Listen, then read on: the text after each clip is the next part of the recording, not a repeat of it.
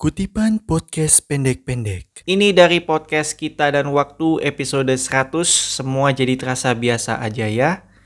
Kutipannya seperti ini. Jangan berjuang untuk orang yang gak mau diperjuangkan. Jangan jadi obat untuk orang yang gak mau sembuh.